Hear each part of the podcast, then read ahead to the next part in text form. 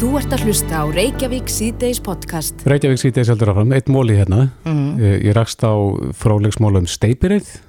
Já, hvað er með það? Uh, veist þú hvað steipireyður getur innbyrt margar hýtæningar semst í einu munnfylli? Þú sér þennan stóra kval fyrir, hann opna munnin og svo læsir hann torfuninni og, og kynkir. Ég veist ekki, ég get ekki, ég get ekki eins og reynd að ímynda með það. Nei, þetta er hálf miljón hýtæninga Í einum bytta, í einu bytta. í einni torfu. Já. Það er nokkuð mikið. Já, Hvað held það séu? Cirka svona ef að meðalmannskjan borðar eitthvað ekki mikið, þetta er auðvitað heilt ár af matvælum ofan í fullorinn það einstakling. getur verið. Þetta er, þetta er hérna mögnuð stjarna, Já, kvalurinn. en taland um hitaðningar. Mhm. uh, við rákumst á, á frétt uh, sem segir frá rannsókn og þarna verið að tala um þeir sem að, að hafa farið til bandaríkjana allavega í sömum fylgjum bandaríkjana er það þannig að þú fer inn á veitingastað og opnar matseðlin eða bara inn á skyndibitastað og sérð matseðlin að þá, þá stendur svona í litlum stöfum við hvernig rétt hversu margar hitaðningar eru í hverjum rétt fyrir sig Já, þetta var leitt í lög í einhverjum fylgjum að, að þetta þyrfti að vera svona. Já, og, og samkvæmt rannsóknum eh, sem gerðar hafa verið síðan að þetta var löglegt að þá hefur, uh, eða hafa tilfellum krabbameina sem tengdir við offitu bara uh, snarfækkað Mm og já, sem segir manni kannski að, að þetta hlýtur að vera til hagspóta allavega fyrir einhverja. Ég fær kannski fólk til að hugsa sig þessum áður að pantar. Já, en er þetta, er þetta góð leið til þess að, að hugað heilsunni að, að vera að, já, þá að sjá þetta svona svart á hvita á matselunum hversu margar hitaðningar eru í hverjum rétti, Já, og þyrftum við að taka þetta upp hér. Beta Reynis, næringafræðingur er komin til okkar. Velkomin Beta. Takk. Já, þetta virkar hjá bandaríkjamannum. Já, aðtilsvert. Já, er, er þetta sniðu leið? Bara, já, klárlega, það, eh, það síns ég á þeim. Mm Þetta, sérst, að sína hiteiningarnar held ég sé samt bara svona meðvitund um að borða aðeins hotlara. Já, Þú veist, ekki bara velja hérna hambúrgur og franskar, fólk fyrir ykkur svona meðvitund. mm Það getur vel verið að hiteiningarna þannig sé sé ekki að minka svo mikið hjá þeim, heldur eru þau kannski velja bara eitthvað sem er hotlara, sem er Já. meiri næring í. En, en sko, við vitum það þetta að, að offita er uh, svona vaksandi vandamál á Vesturlöndum Mm. á meðan að þetta hefur verið greiðalegt vandamál í bandaríkinum í, í tölvöld lengri tíma. En heldur þau að, að fólk sé almennt séð, kannski ekki nægilega vel áttað á því hvort að matur sé hollur eða ekki eða hvort að þetta sé einhver hittaðinninga bomba eða ekki. Sko það er klárt mála eins og í bandaríkjunum það er líka bara, þetta er næringasnauðu matur. Mm. Þetta, þetta er bara, óöðlastana er, er bara veldu því líka að þú ert ekki að borða neina næringu í máltíðinni. Það er alltaf bara að vera að horfa á, á orkuna, hversu marga hiteiningar.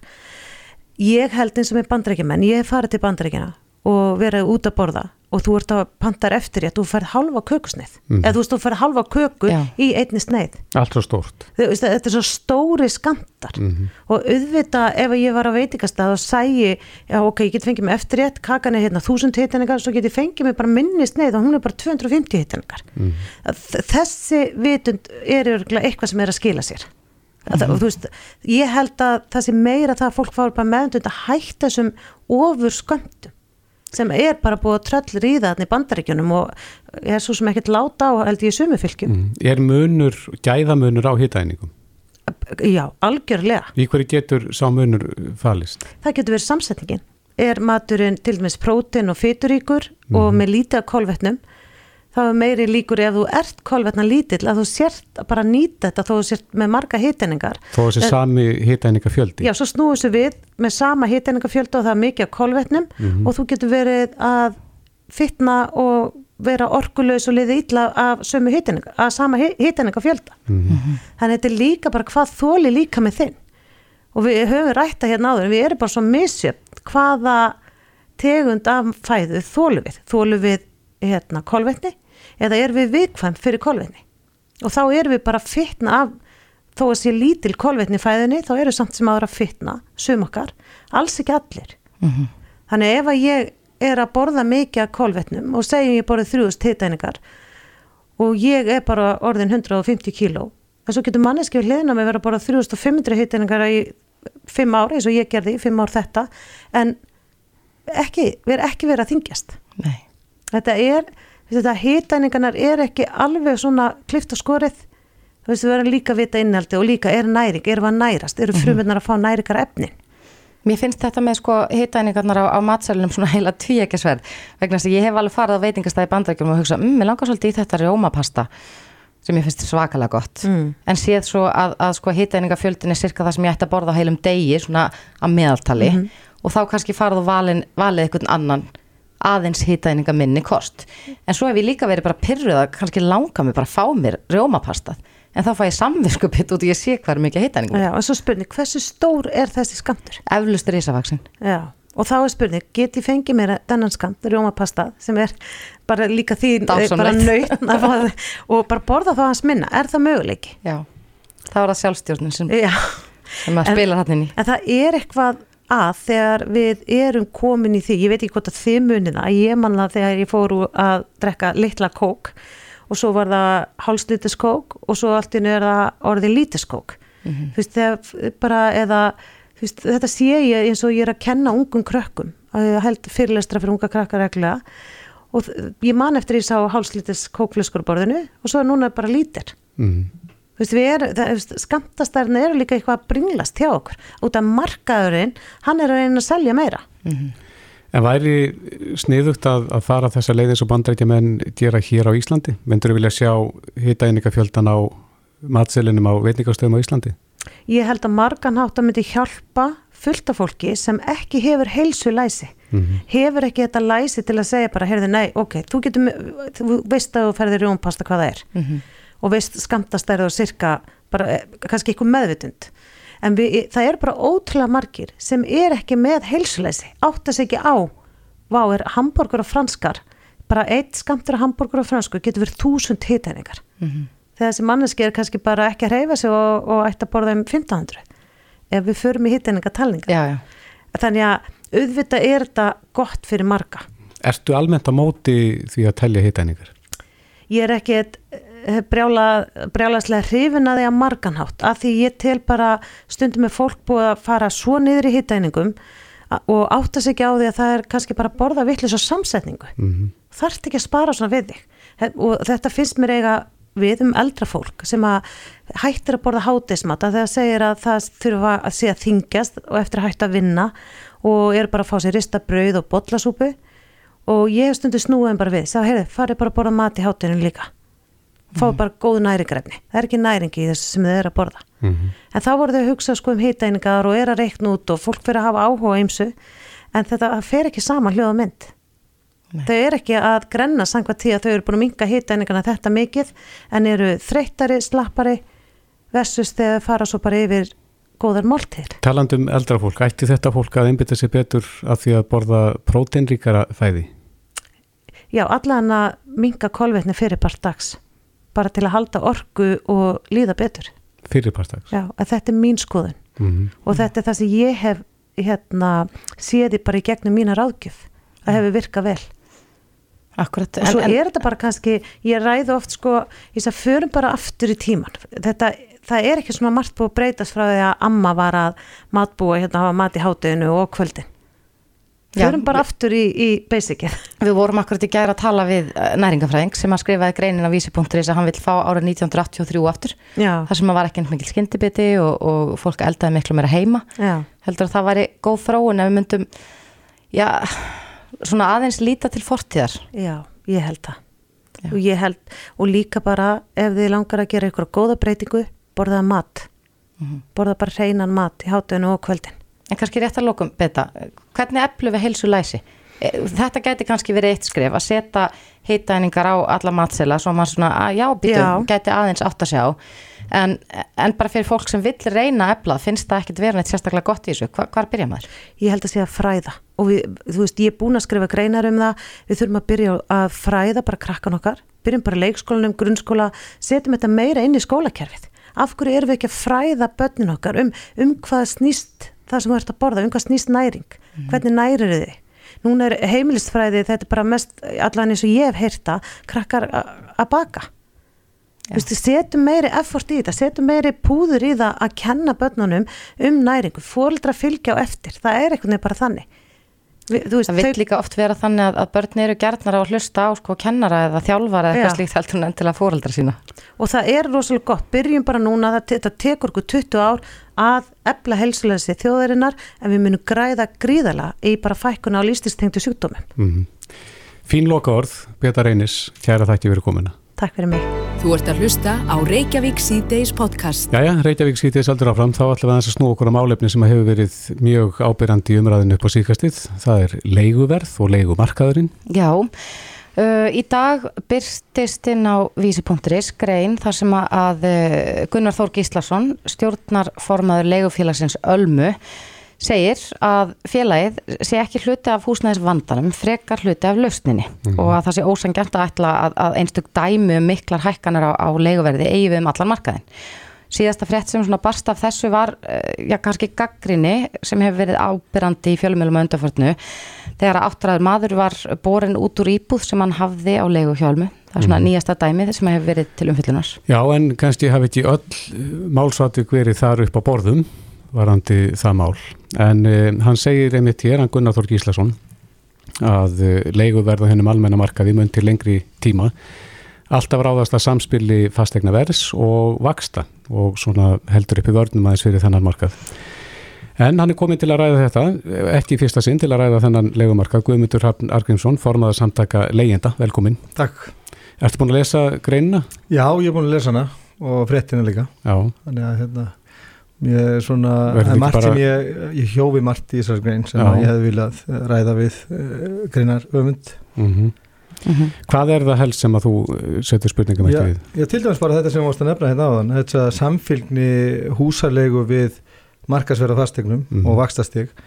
Það hefur verið þannig hérna á Íslandi allan svona frá 2011 að samfylgni markasverðs og húsalegu hefur verið allt upp til sjöfalt meira hér á Íslandi heldur en bara á meilandi Evró Evrópu. Og það er til dæmis síðustu tvö árin fyrir eh, COVID að því að þeim er svolítið uh, gænt að nefna COVID-tíman sem eitthvað svona viðmið fyrir leigumarkaðinn að síðustu tvö, tvö árin fyrir COVID þá hækkaði húsalega markvallt meira heldur en uh, fastegnaverð uh, og það, það jógst samfélgin þannig að hún var sko sjöfalt meiri heldur en á meilandi Evrópu. Uh, og þannig að sko það er engin innistæða fyrir hækkun húsalegu ef að menn alltaf miða við fastegnaverð vegna þess að, að uh, húsalegur hækka sem hlutfall af fastegnaverði miklu, miklu, miklu meira hér á Íslandi heldur en nokkuð þar annars þar í Evrópu. Þannig að það er rauninni bara til um til þess að lækka húsalegu ekki hækkana. Og það er engin innstæði fyrir því, það er alveg sama hvort að uh, þessi umáli koma innan úr uh, húsna sem annarkastofnun eða ASI eða frá uh, stjórnarformanin legufélags, það er bara engin innstæði fyrir hækkun húsalegu, ekki nokkur. Nei.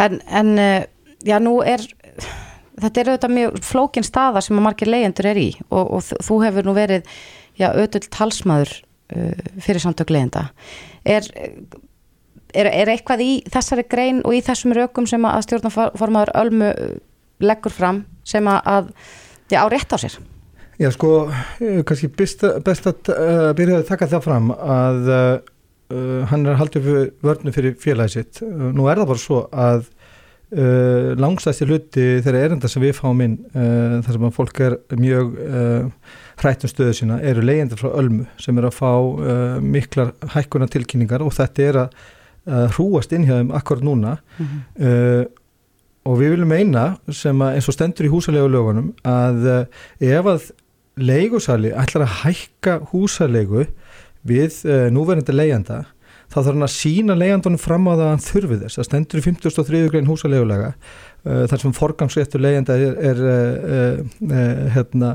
treyður að ef að leigusambandi heldur áfram þá má hann ekki hækka húsaleguna nema síni fram á að hann þurfi þess.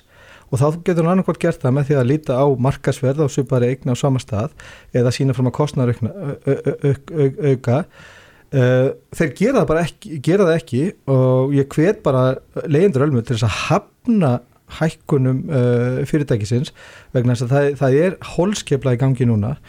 Og mér fannst mjög skrítið að lesa þessa grein þar sem hann er að svona bera blaka félaginu þó að þeir hafa haldið aftur af hækkunum hlutu til í fyrra eftir uh, úslita kosti sem að uh, formar uh, vaffer setti þeim vegna hegðuna þeirra á markanum þá dróði land með hækkanir á tímambili en hafa farið fram í algjöru offorsi á þessu ári og eins og hafi bara rata svo oft í fréttinar þetta félag fer fram í algjöru offorsi við fáum ekki svona erindi frá leiðendum heimstæðin uh, til að mynda þetta eru meira minna allt leiðendur ölmu sem að blöskrar þessar hækkanir sem eru langt umfram verðlag. Við erum með nokkuð dæmi bara söðunisum þar sem að er verið að hækka 113% umfram verðlag.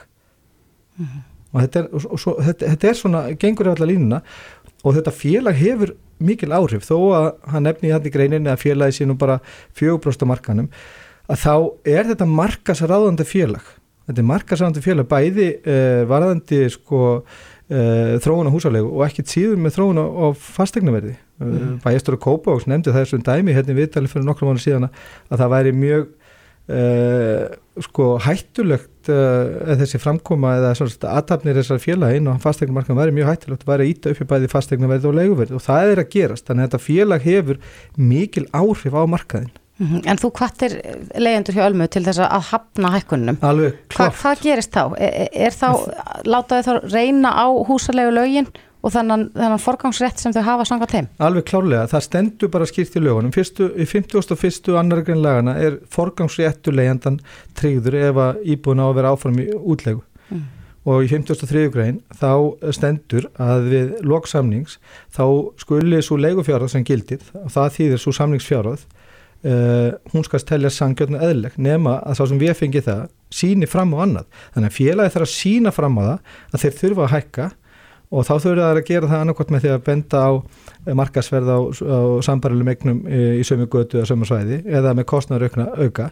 Nú er það nú þannig líka með uh, kostnað þessa fyrirtækis uh, það er komið fram í greinaskrifum og fréttaskrifum bara til dæmis á heimildin og stundinni Eh, fyrir nokkur misserum að meira meina allir fjármarskostnar hjá þessu félagi hann eh, kemur úr félögum í þeirra eigin eigu þar sem að þau ráður henni lán, lánakjörunum og þannig eru lán sem að bera alltaf byrju 15% vexti. Þannig að sko þó að þau getur sínt fram á mikinn kostar, ekstra kostnar og fjármarskostnar þá er þetta peningar sem eru og lán sem eru að borga inn í eigin félög og þannig eru þau rauninu bara að búa sér til eitthvað rekstramótil þannig að þau geta sínt bæði almenning og fjölmunum að það sé ekki svo mikið uppur að hafa að því að þau eru að borga þennan fjármarskostnæðir inn í sinn eigin fjölug og þetta er náttúrulega fjölskyttar sem búin að vera inn á leikumarkaðan máli frá 2015-16 þegar þau voru stóri eigundur í heimavellum sem fengur lán hérna á góðum kjörum frá íbúðlansjóði og íbúður í hundratali ef ekki þúsundatali undir markasverði og högnust mikið á því og það þarf ekki að segja mér það að viðskiptamæður eins og greinarhauðundurinn fjárfesti fyrir 11,5 miljard í einhverju viðskiptatækifæri sem er bara leilugu business, það er bara það segir sér alveg sjálft. Mm. Hann segir hérna í greininni hann uh, Gunnar Þór að uh, talar hérna um leigu brems og leigu þak sem hefur nú verið kallað eftir.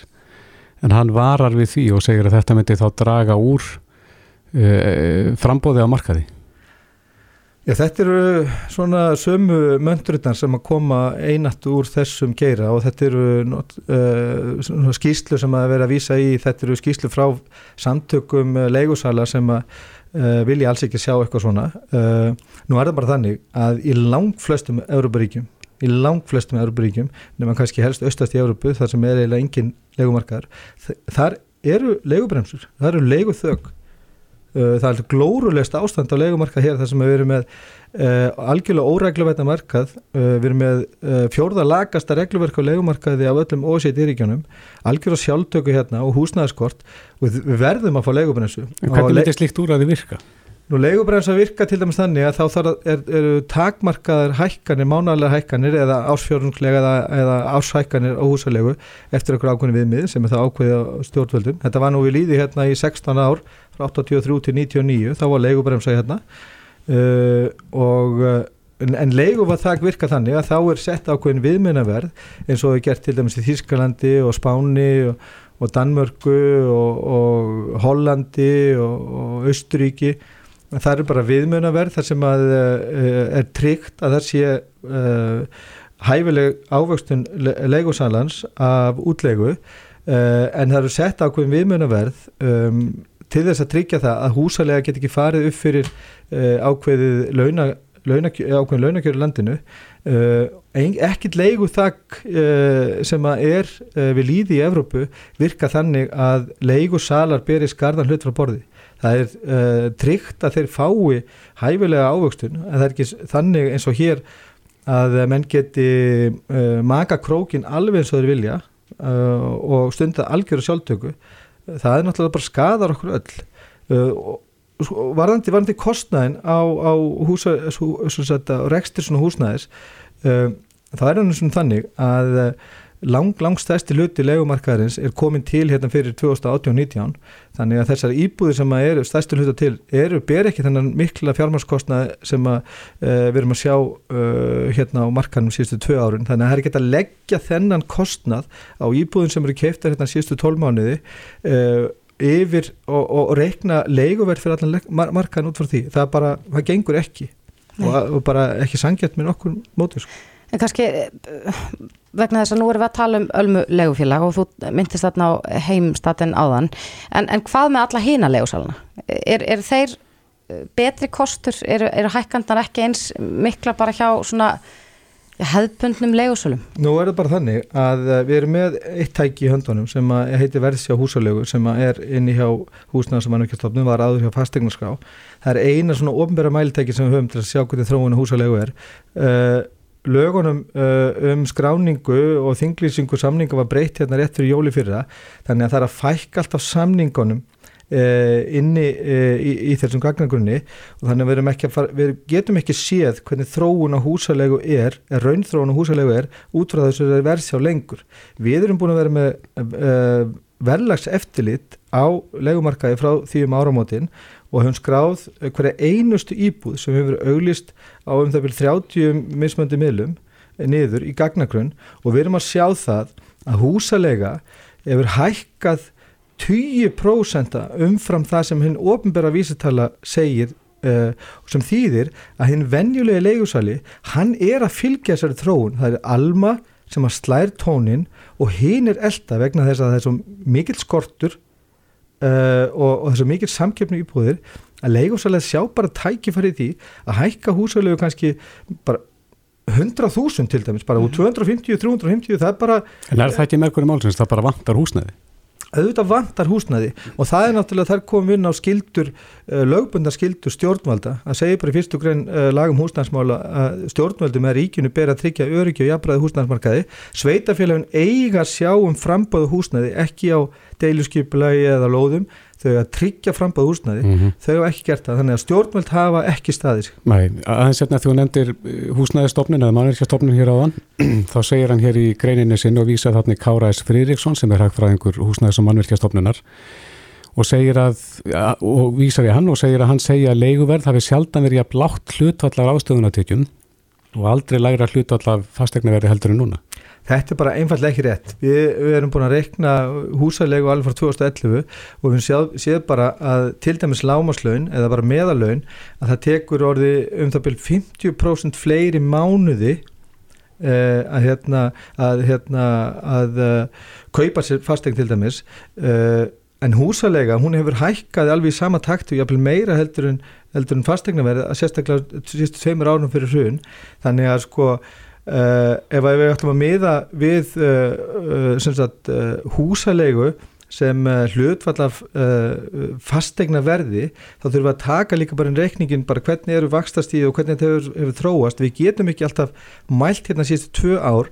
þar sem að ástandi var mjög óeðlilegt eins og hann nefnir hérna að komi fullt að íbúðum inn á markaðin og það dróður þessar samfélgni Þetta hefur verið mjög óeðlegt frá 2011 alveg til april 2020 það var þróun á leikumarka hérna í öllu samhengi mjög óeðleg og húsalega hækkaði langt umfram allar hækstærið þannig að þetta er ekki rétt að það sé betra ástand á leikumarkaði núna en áður það vitna bara allar aðra tölur og kannanir um mm -hmm. við erum að fá hérna kannanir trekki, trekki, trekk sem sína fram á alveg skelvilega stöðu leiðanda skelvilega stöðuleganda mm. og félagslegan harm. Ef við streikum undir er eh, lausnin á þessu að fjölga húsnæði og setja á leigu þakka eða leigu bremsu er það verður- það sem þið kallið eftir? Já, við það verður að setja á byðmunaverð fyrir húsalegu þangað til við erum komið með uh, nægilega mikið magna húsnæði þannig að, að það myndast hérna einhverjum eðlilega markasæðstæð. Það er ekki fyrir hendi, þá verður ríkið að grípa inn í til að hafa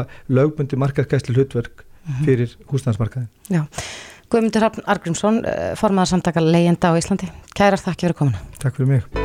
Þetta er Reykjavík C-Days podcast. Þið erum enn að dásama gerfugrindina eða balvinni og kannski því sem að þessum hraða sem að þróunin hefur verið á.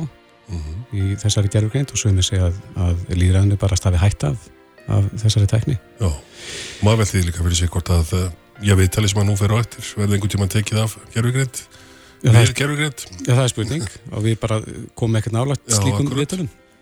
Andrés Jónsson, eigandi góðra samskipta komið til okkar, velkomin. Takk fyrir. Já, þú hefur aðeins uh, ringt í þetta fyrir okkur og við erum að velta fyrir okkur hvaða störf eru hugsanlega í hættu og hvaða störf sleppa.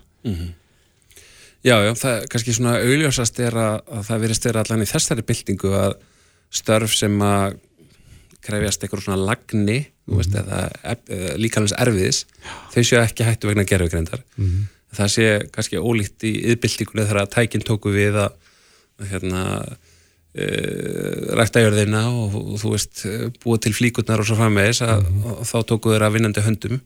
En, en þessi bylting hún taki meira af svona vinslu upplýsinga. Við höfum svolítið nefnt þetta öfuga innbyltingu í þessum þætti. Það er að segja það sem að yðnaðar fólk er virðist ekki verið hættu. Ég menna gerfugreindin er ekki að fara að taka upp hamar og nagla og smíða hús Nei, eða leggja ramagn eða pípulagnir.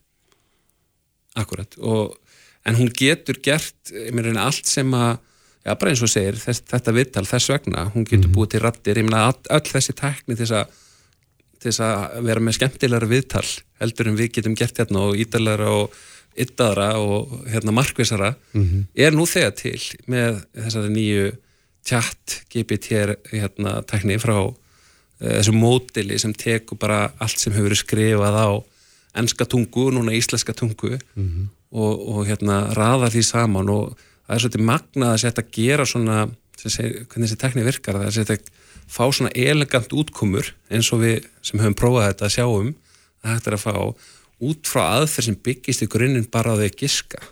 Þessi greind, gerfi greind hún er ekki greindan en svo að hún veitur hún ekki hvað hún er að láta okkur hafa. Hún, hún skilur ekki inntak upplýsingana á sama hátt og við skiljum það. Ekki ennþá. ekki en þá, það er það sem er nótast að þegar hún, hún komst að það stig sem þetta kalla AG hérna, E um, svona general intelligence þegar hún náði þessari svona bara ekki gerfi greind heldur svona hérna, almennri greind. Og ég vil bara tilfinningagreind og, og slíkt. Já, það er svona, þá eru komin út í eitthvað svona spekulasjónir, fólk er alls ekki sammúla hvað í rauninni geti, geti fallist í því að hafa tilfinningagreind eða tilfinningar en allan að greind þess að tak, þú veist, eh, hérna í rauninni bæta sjálfan sig sko. og hún geti gert það svo miklum hraða að við missum stjórnaði og það hafa náttúrulega margir verið að vara við þessu meðal annars Elon Musk og, og fleiri. En Andrés, þú ert stjórnandaráðgjafi og þú ert í því að finna fólk í, í réttu störfin. Ert þú farin að finna fyrir þessu nú þegar? Sko, eh, ég finn aðalega fyrir því að það er að koma tól þar sem að gerfigreindin er að svona auðvelda manni er í rauninni að svona stytta manni spórin og ég held að það sé kannski e, e, sem margir er að segja til þess að róa fólk er það bara þetta eru bara betri tól. Við þurfum ennþá manneskjur til þess að eiga í samskiptum og viðskiptum við aðra manneskjur og, og við, við erum bara að fá betri tól alveg eins og talvan er öflugri heldur en og símin er öflugri heldur en ritveilin var sko. Þannig að, en jú, ég er nota þetta í í uh, forriti sem er svona bakendin á LinkedIn uh, sa- hérna ráðningavefnum að þá sendir ég fæ til þess að í úrið oftir ég vakna á mótana nýr aðili sem gæti komið til greina í þetta starf sem þú ert að leita í fyrradag. Og þá kemur eitthvað upp hérna, ég er bara oft mynda einhverjum konum eða köllum. Svo þetta er skrítið að fá það bara þegar maður liggur uh, hérna, nývaknaður. En, en hérna og þá er eh, sem sagt, LinkedIn bakendin, þær eru búin að setja inn gerfugreind sem að hef bygg, svona, er að reyna átt að sjá sem hún er reyndir ekkit mjög klára en þá þannig að þetta er að nýtast með neitt sérstaklega vel en verður örgulega klárar mjög fljótt og þeir leggja mikla áherslu á LinkedIn ég eh, gefið þeim engun hvort að þetta var efnilegur eh, hérna, kandidat eða ekki. Þannig að við erum kannski vitandi og óvitandi að þjálfa upp gerfugreindina sem mun síðan komið baki okkur eða ekki? Já, en er þetta ekki mitt akkurat máli að, að gerfugrindin er ekkit endilega að fara að taka að því starfið heldur hún er bara að bæta þína framistöðu í starfi? Já og, og eh, það hefur örgulega fyrstu áhrifin og áhrifin sem er nú þegar farin að hafa Eh, eitt sem hefur verið að tala mikið um í sílikondal er að núna þurfum miklu færri til að stopna fyrirtæki Já. og það er þá góðar fréttir bæði fyrir, eh, líka fyrir það sem er ekki í sílikondal því að hinga til að allir þurft að flytja þanga og stopna fyrirtæki þar til þess að ná, hérna, að þar hefur svona suðu pottur nýra teknifyrirtækja mm -hmm. en núna segir í staðis að ráða 500 manns til að koma ykkur nýri hugbúna löstna á markað, þá þurfur kannski bara 20 manns eða 30 manns og, og þess að þetta geta miklu hraðar og hérna þannig að, jú, það er svona uh, þá verður bara tími auðvitað fyrir hérna, hva, hvað með alltaf þá sem hefðu annars fengið þessa vinnur? Uh, þá segja uh, sem, hjá OpenAI hérna, fyrirtækinu samaltmannufélagar að, þeir, það fólk finnir sér bara eitthvað guður að gera, veist, það er sér nót til að gera. Þjónusta fólk, meiri frítíma finna sér eitthvað aðrar mannfólki minn alltaf finna sér eitthvað yðju og að hérna svona helsta hættan sem er heyri pólitist er bara að þeir sem hafi pening og hafi efni að kaupa og þessa tekni og, og fjárfestíðinni að það verði svona þetta geti aukið bílimillina rík og fátæku. Um, en, en heilt yfir þá spáum við því að þetta bara bæti samfélagi og við verðum eða minni tíma í eitthvað sem er leiðilegt sem er að veist, telja hluti, reiknað út senda á einhvert. Mm -hmm. En allt störð sem er unni með handónum segjum bara nuttarar eða súkraþjálfarar Eh, allt það sem þarf að, að inn af hendi með bara höndunum sjálfum.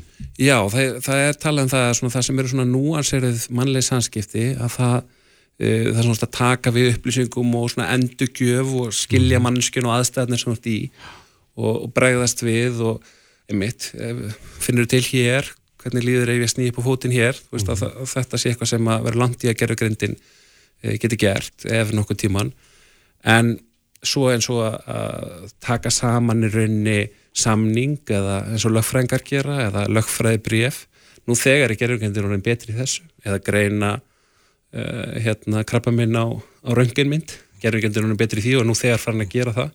Eða jafnvel eins og kemur inn á mitt starf að vera með krísuáallin mm. eða ég hitti vinnmjörnum daginn sem var að stofna veitingastað og hann er með 40 manns í vinnu og tala eiginlega allir ennsku í vinnunni, þetta flestir ælundum uppruna.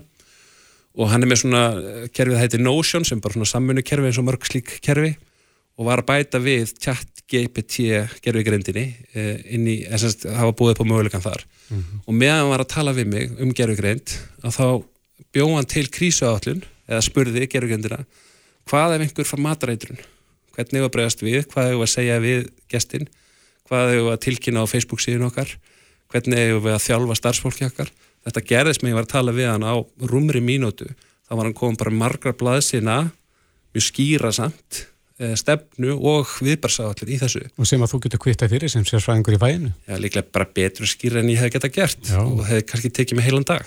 Veldur þetta þér áhegjum? Ekki mér persónulega en uh, ég skil alveg allt, það er til eitthvað sem heitir svona tekni ótti og við, það kemur alltaf í hverri nýri bylting og þá kemur eitthvað svona ótti við eitthvað óþægt uh, það hefur minna, sjálfnast ræst hinga til að ný tekni hafi orðið til íls en, en, ég veitur henni ekki svaruð að veita engin, meira segja stopnandin Sam Altmann hjá OpenAI, hann, hann, hann segist ekki vitað mm. hvort að þetta verði hvort að, hvort, hvernig þetta geti endað. Nei að því við erum að tala um uh, störf sem að gætu verið í hættu, ég las nú frétt um mann sem að breytti chat GPT í sálfræðing og uh, fekk bara ágættis meðferð hérna, spjall meðferð hjá gerðurkendinni All svona þekking svona, er það ekki bara betra? Ég meina ef við getum öll, það er nú að tala um það að ríkið að niðugræða sálfræði með þjónustu og er með þess að stefnum á hljóðsum stjórnmáluflokkum hvað ef við getum bara öll fengið það í jæfnvel ókipis appi, við þurfum bara að horfa einu ölsingu fyrst og þá getum við fengið sálfræði þjónustu í, í klukkutíma eða hálftíma er það ekki bara nóg eftirspöldn eftir því? Ég held að það, þú veist, og það verður samt pláss fyrir einhverja sálfræðinga til að vinna í erfiðustu málunum, koma fyrr inn með fólk á, þú veist, áður en að hlutir er færðinir í óöfni og við all hinn getum bara notað chat-GPT sem okkar sálfræðing. Mm -hmm. Maður veldi í sig líka fyrir sér með starf landslýsjárvara, það er laustil umsóknar er nú örglega verið að leita á honum það er spurning hvort að gerfugrendi geti tekið þetta að sér. Láta hann að stilla upp liði. Að stilt upp liði út frá svona einhverjum, einhverjum ákveðnum gefnum fósendum er ekki líklega að hún hjálpi sófasérfræðingunum sem geta að leita til hennar og til að koma með sínar hérna tilöður um af hverju þetta sé allt rámt Eh, hvernig landslýþjálfarinn gera það?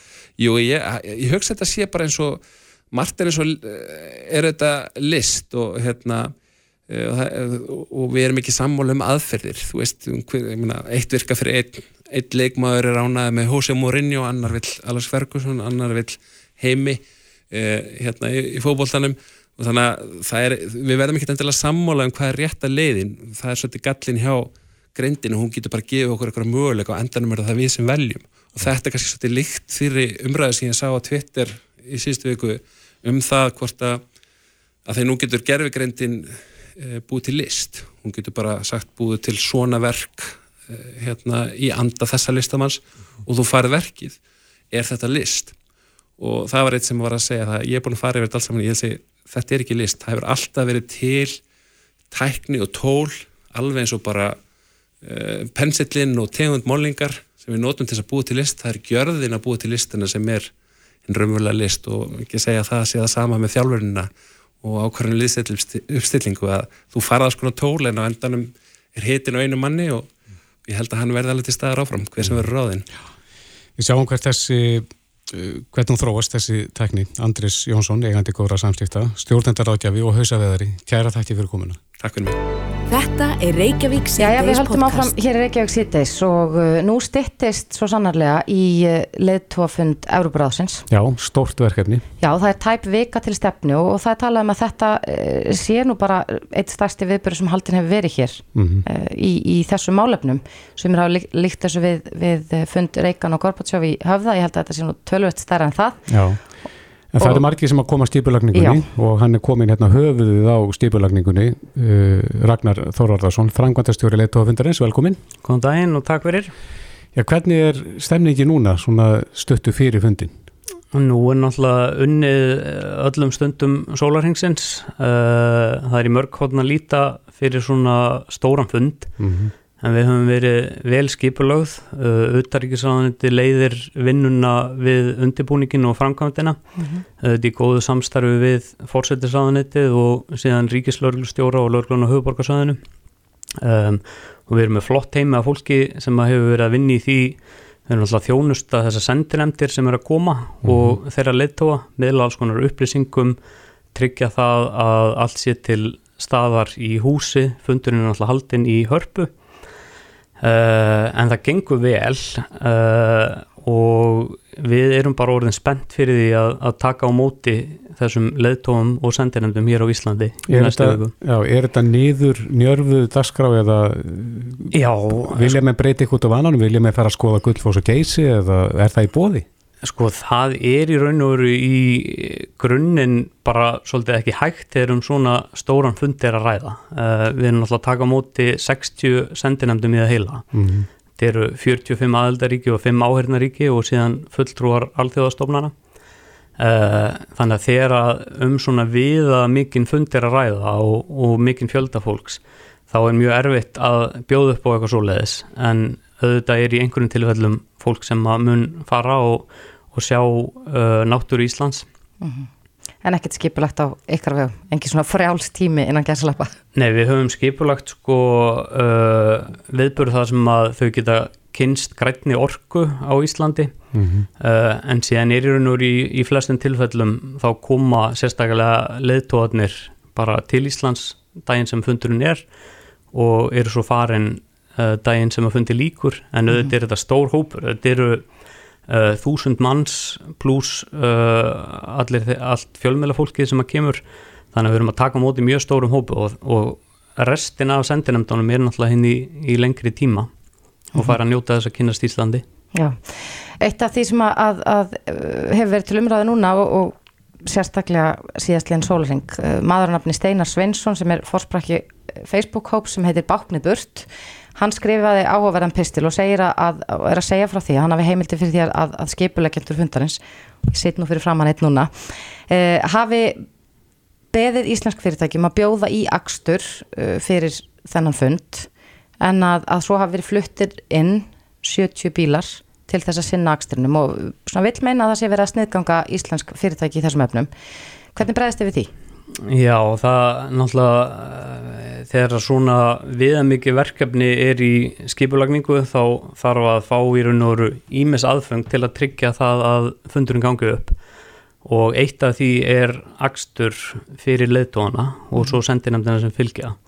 Og þar þurfum við að horfa í ákveðnar örgiskröfur uh, og bílunum er ekið, sem sagt bílum leðtóana er ekið af íslenskum lauruglumönnum um, og í þessu ferli þá höfum við náttúrulega unnið í því að gera alla hluti á eins hagkvæman hátt og mögulegt er. Og í tilfelli þessara bíla að þá í raun og veru höfum við unnið með ráðstefnu fyrirtæki sem aflaði tilbóða hér á Íslandi. Og öll viðskiptin sem við eigum varandi akstur er við íslensk fyrirtæki. Uh, allir bílandi sem við leiðum og það er rétt að taka það fram að þetta eru bílar sem við leiðum, það er ekki verið að kaupa neina bíla. Uh, þeir koma frá íslenskum fyrirtækjum en eru eðli málsins samkvæmt náttúrulega innfluttir á einhverjum tímapunkti. Mm -hmm. uh, og við erum að semja við fjöldamarkar eða sem sagt eiga viðskipti við fjöldamarkar bílalegur hér, það er náttúrulega vinnur það með okkur uh, hvað ferðamannabransin er í miklu vexti að það er úr hérna, miklu að móða á markaðanum hér. Mm -hmm. uh, en fyrir í raun þess að leiðtóa bíla að þá eru við að leiða 42 bíla. Síðan nýtu við 10 bíla sem að stjórnaraði á. Og það eru að gera til þess að reyna að gera þetta á hafkaman hátt. Og síðan er annar rakstur uh, fyrir sendinemdinar það er bara í hefðbundum bílum sem að koma frá bílalegum Já Annað sem hefur svolítið verið umræðinu það er kólefni skótspór og hefur verið að tala um enga þóttunar. Ég sá ykkur að frétta sem mennur eru fannir að samnýta ferðir. Já, það er í einhverjum tilfellum þannig að auðvitað er sko náttúrulega rétt að taka það fram að það er líka mjög algengt að uh, nota sér við áallunumflug og það er alveg uh, hluti af hópnum sem að kemur í hefðbunnu áallunaflugi. Mm -hmm. um, og síðan er í einhverjum tilfellum eins og við sjáum alltaf oft hjá norrænum kollegum uh, að ríki sem að eru eiga landamæra hvort öðru og stutt á milli höfuborga að þau samnýta ferðir. Um, og uh, auðvitað erum við eiga þannig að hingað kom, kemst enginn nema á flugvel og uh, við sem skipulagendur í raun og veru bara leiðbennum þeim um hvernig má komast í áallunaflugi, hvaða flugvellir uh, eru hér til taks og má nýta mm. og svo er það bara undir hverju ríki komið að ákveða uh, hvernig þau koma séringa. Já. Heldur þú að, að uh, já bara almenningur átti sig á því hversu stóra og mikilvæg þessi fundur er? Svona miða við umræðina sem hefur verið undanfæri, við erum auðvitað búin að heyra af vopnabur, við erum búin að heyra af, af gödulókunum og þetta muni, já svona riðla eitthvað eins til sérstaklega nýri miðbæri ekki aukur. Einmitt.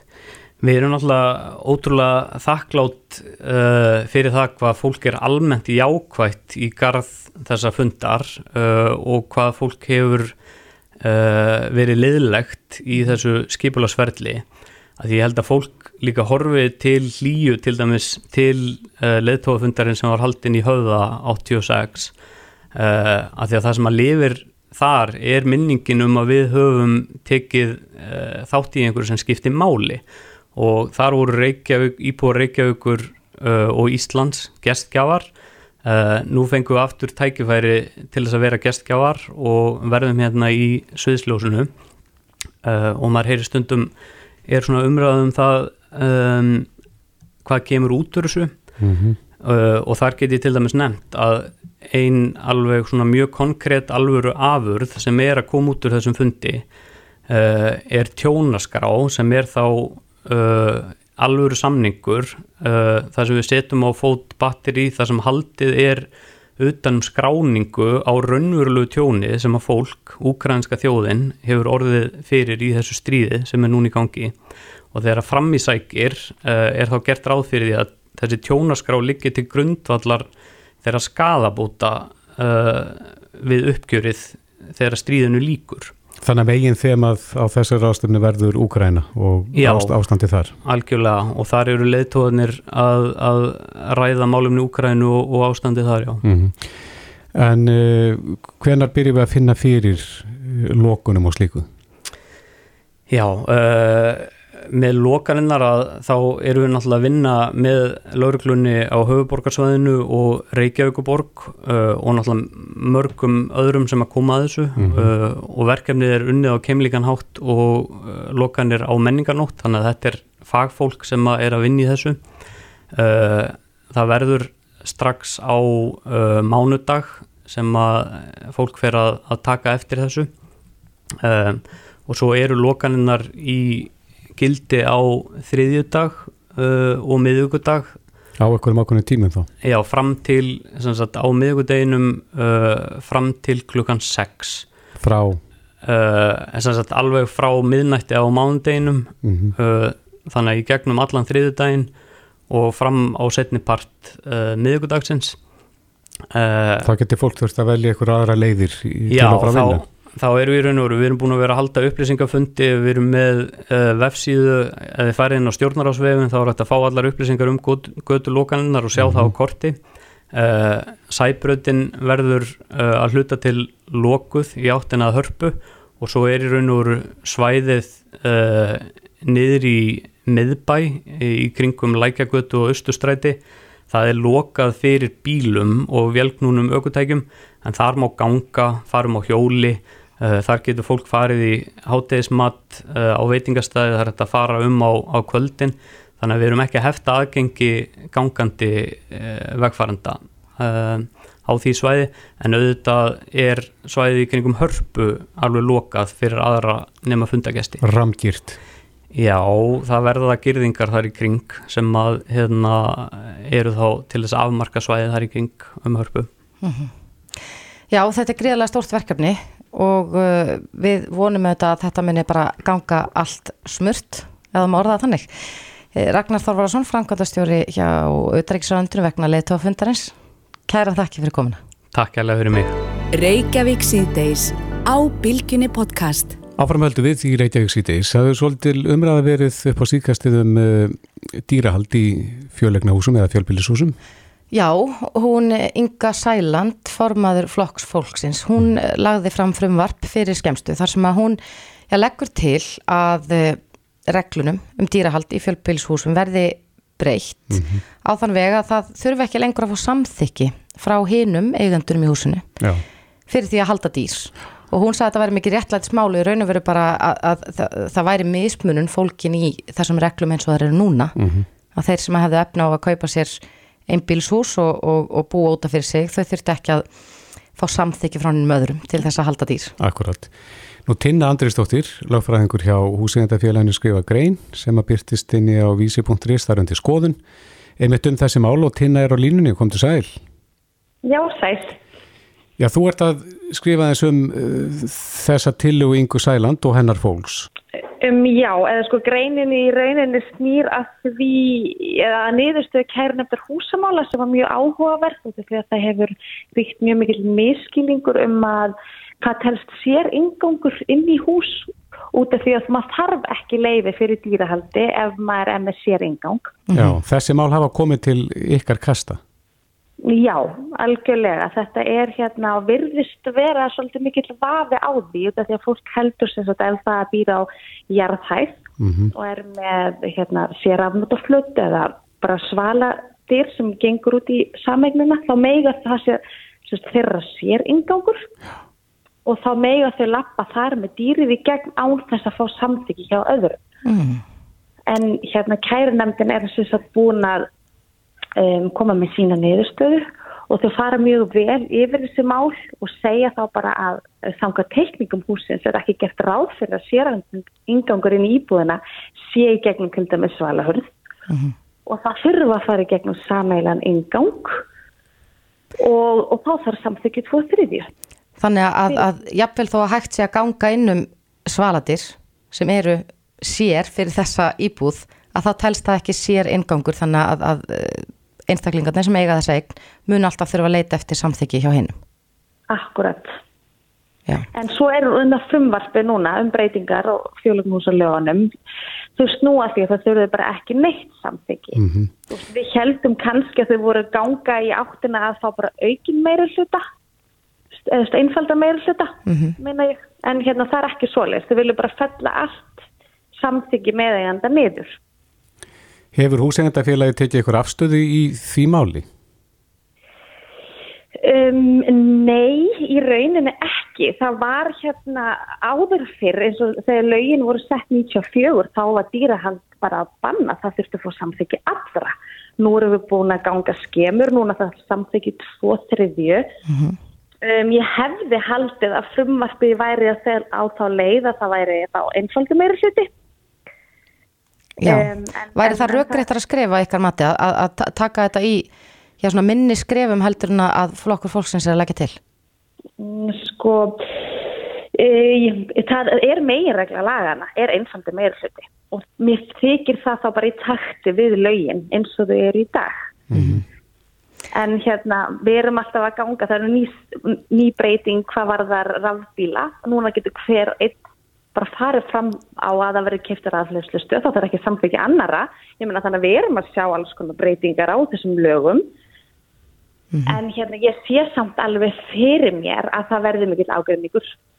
En, en hvers vegna þá helst? Við höfum nú heyrt gaggrinsrattir frá til, til dæmis Asma og ofnæmisfélaginu.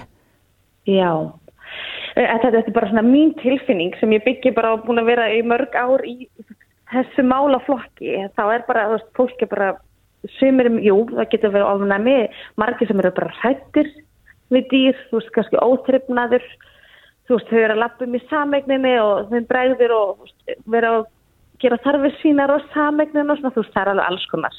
Þannig, en eins og ég segi, maður veit aldrei, en hérna þetta er svona mín tilfinning að það, hérna, þetta munir kannski ekki fljúa í gegn. Nei.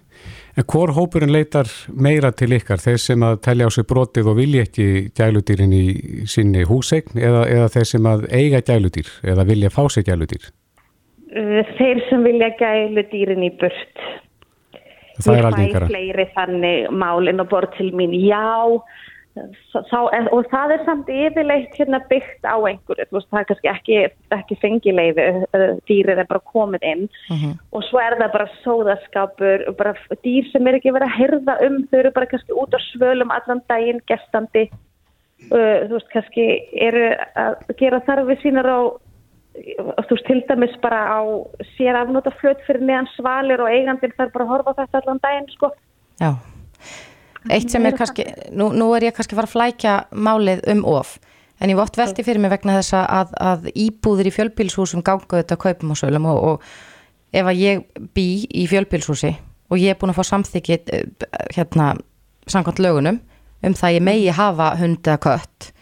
En svo breytist eigandahópurinn í kringum mig gríðarlega mikið, þarf maður að leita aftur eftir samþykki eða gildir þá upphaflega? Nei, nei, samþykki er óaftur kallanlegt en að óbreytnum fórsöndum er þú veist að það þarf að þinglýsa samþykkinu. Já, er, Og- það, og er það þá algengt að það sé gert? Já, já, já, og við leiðbeinum alltaf öllum að gera það. Og þá ertu bara búin að gulltryggja þig gegn nýjum eigendum og þá bara vita þeir að í þessu húsi er gæludýr. Mm Þú veist, við höfum þurft að rifta kaupsamningi út af því að það var búið að banna dýrahald í því húsi. Um, hann kaupir reyndar á hérna jarðhæð, eigandi nýr og er með dýr og það var forsenda fyrir kaupunum en þá var bara glemtist að tilkynna honum um það að það var búið að banna dýrahald. Já, og það þurftu að reyfta sko, þannig að það er ímislegt í þessu. En, en fyrir Jötina, rétturinn til þess að halda gæludýr í, í einhverju tiltekin eign, færist hann yfir á nýjan eigand ef að íbúðin er seld? Sko það fer bara eftir því hvernig samþyggið er. Það er hægt að, að tilgreina sérstakt dýr eða þá bara að það sé heimild fyrir alla en þú þarft alltaf að um, sækjum leiði hjá sveitafélaginu. Hann að þá vissulega er það bara fyrir þetta dýr sérstaklega en þú gætir þá um, sótt um leiði líka hjá sveitafélaginu en sko svo erum við líka með þennan ónæðisfaktor og nábílisvettin og allt það. Veist, ef það er búið að skilir það leiðið, bara eitthvað lítill sætur hundur og svo bara komin eitthvað dópumann eða eitthvað, nú veit ég, e- eitthvað svona allt annað dýr, skiljið þið.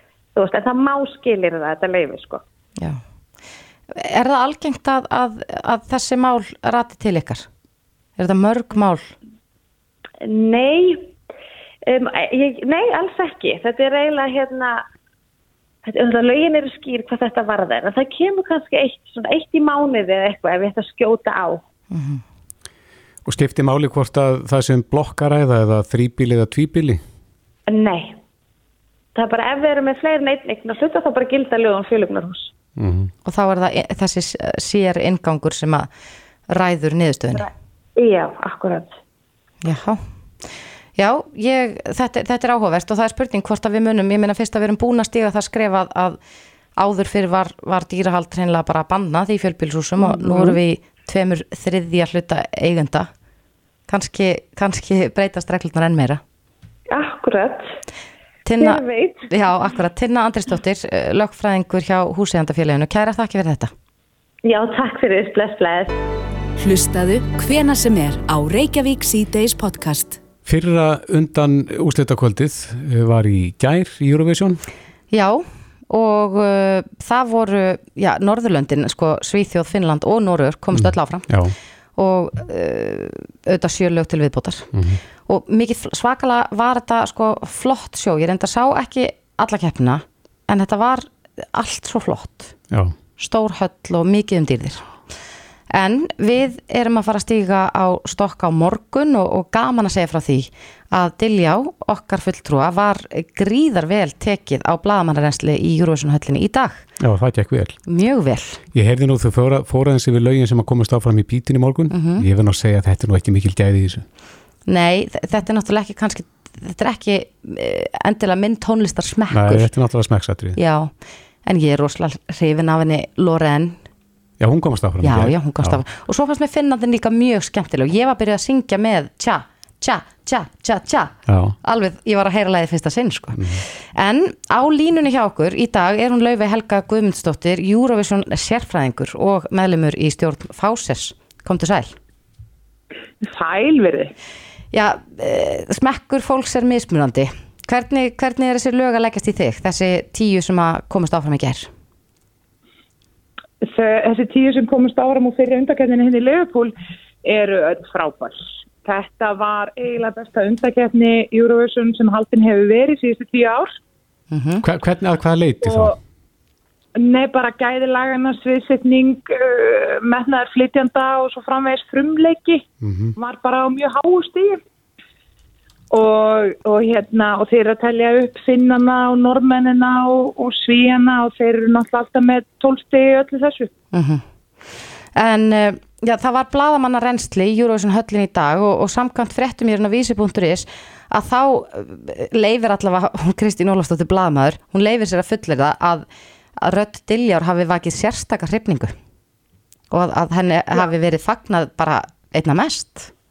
Bóðar það gott? Já, ég var, já, ég var reyndar ekki stödd í blaðmannahöllinni sjálfri. Ég var inn í uh, Liverpool höllinni. Þetta var fyrsta búningarensli fyrir setni undakefnina sem að blaðamann, það sem blaðamann mega farin í höllina og ég verði að segja að þetta kom rosalega vel út hjá Diljá.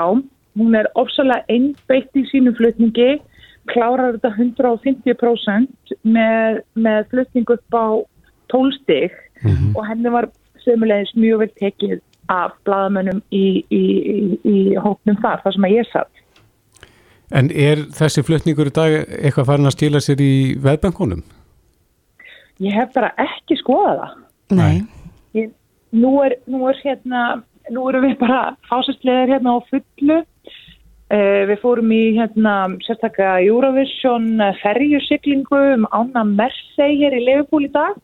Síðan fórum að beint á renslið og nú er ég að hlaupa á Eurovision karaoke sem fásist er að halda fyrir alla aðdáðunum hérna í borginni. Og hvaða lag ætlar að taka? Já, það er mjög góð. Ætlum að taka ekki bara eitthvað með dagafrey, svona í tilhætni dagsins. Hann er með stóra Eurovision tónleika hérna Já. í borginni kvöld sem að við erum líka að fara á. Mhm. Og það er bara svona brjálega dagskrá, þetta er einn af þessum dögum. Já, við höfum unnið einu sinni í Eurovision og það var eh, með læginu hans. Já. Er það ekki hversu viðurkent svona almennt í Eurovision heiminum að, að við segriðum þá keppni? 100%. Það er, það er almennt viðkjönd að Davíð Freyr hefði unnið hér Eurovision 2020 Mm og hann mun loksins stíga svið uh, Eurovision sviði sjálft núna lögadaginn sem yndir var lagt og vonandi gerist ekkert í mittiltíðinni sem að hindra hans þáttöku í viðbyrjunum Mm 7.13 En Laufi, sá ég ekki rétt, þú tókst viðtal við Lorene það ekki um daginn. Það var Steinun Björk Bragadóttir blaðamár á morgunblæðinu sem gerði það. Já, það var steinun. En hún, en hún sagði í því viðtali hún Lorene að hún var á leiðinni til Íslands. Já, hún ætlar að trekka til Íslands til að setja Eurovision og hún ætlar að vinna með einhverjum listamanni, íslensku listamanni sagði að sá hétti Ólafur Byttum við, það heyrist allt í henni frekar illa. Íðarlöfi, hvað segiru? fyrir ekki, nei, mér fannst áhugavert að heyra í viðtalinu við Loren að hún ætlar að koma til Íslands eftir Eurovision og, og hérna uh, verið í samstarfi við íslenska tónlistumenn Ólaf, hva, hvaða Ólafur er þetta? Er búið að finna hann? Ég ætla nú að lega mér ekki skáta sér Ólafur Arnalds Já. Sama ekki sko ég og meðin í ger Erum við ekki bara búin að ráða þessa ráðgátu? Erum við ekki búin að ráða hana bara? Mér heyrist það. En hvernig er samt stemningi fyrir morgudeginum? Er, er þetta ekki, uh, ertu bjart sín? Já, ég er mjög bjartin á að við komumst upp á þessu reyðli. Mm -hmm. Setni undakefnin er lakari eh, af gæðum heldur en svo fyrri, meða við þá fyrri. Og, og hérna, ég- það er ekki vafi í mínum huga að Dilja komast upp úr undarröðlinum. Nei. Er þið að skandall ef að það gerist ekki? Já, mér finnst það. Já. Eh, Já, við bara krossum fingur og, og vonum að það takist. Þa, það, hún verður miklu skemmtilegri fyrir okkur Íslendinga kjarnin ef að, ef að Íslendingar eru með. Þetta er einhvern veginn, Klárlega. lofti fyrir einhvern veginn úr blöðurinn annars. Já, mér finnst þetta alltaf jafn skemmtilegt. Og svo munum við að sjálfsög eiga fulltrúa í dagafrei í sviðinu á sviðinu og lögða. Já. Já. Laufi Helga Guðmundsdóttir, Eurovision sérfræðingur og meðlumur í stjórn Fáses. Við skulum ekki tefja það lengur, enda mjög hjá þér, en kærar þakki fyrir þetta og bara áfram Diljá og áfram Ísland. Takk sem við leiði, svo góða skemmtun áfram Dilja.